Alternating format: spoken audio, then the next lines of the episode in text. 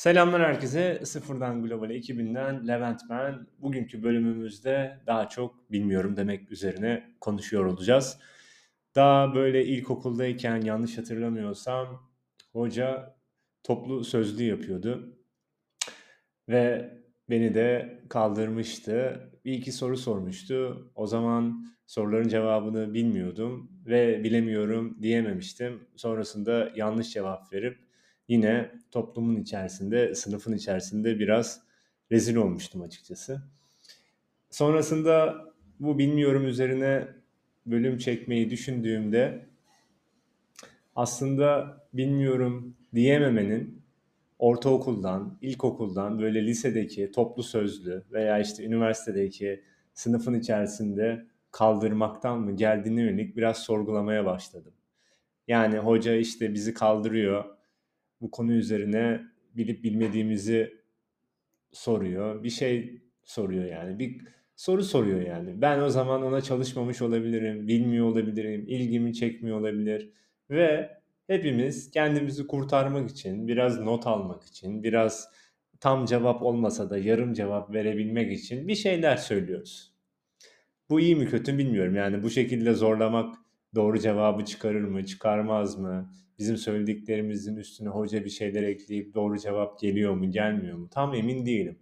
Ama bilmediğimiz bir konu üzerine bazen de yorum yapıyoruz. Neden? İşte tam böyle 10 üzerinden hadi 6 olmasa da yani 2 olmasa da pardon 6 alayım falan kafası da belki geçerli.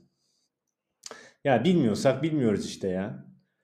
Bu bilmiyorsak bilmiyoruz işte bakış açısı şu an günlük hayatımızda kullanamadığımızdan biz yol tarifini bilmiyorsak bir şeyler söylüyoruz.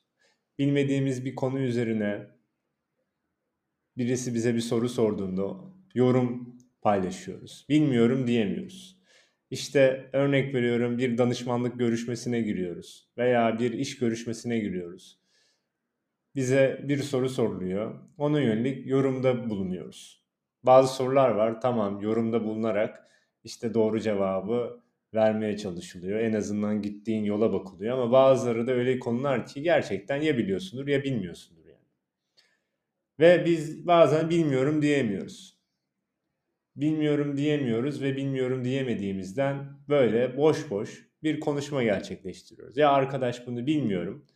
Mesela işte marketing tarafında Google Ads yönetiminde işte karşılaşılan bir noktayı bilmiyorum.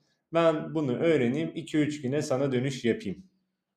Bir yolken bazıları diyor ki ya ben şimdi daha önceden bunu böyle yapmıştım. Onu öyle yaptığımda karşıma bu çıkmıştı. Ondan sonra o sonuç böyle oldu ama ondan sonra nasıl ilerledi tam hatırlayamıyorum.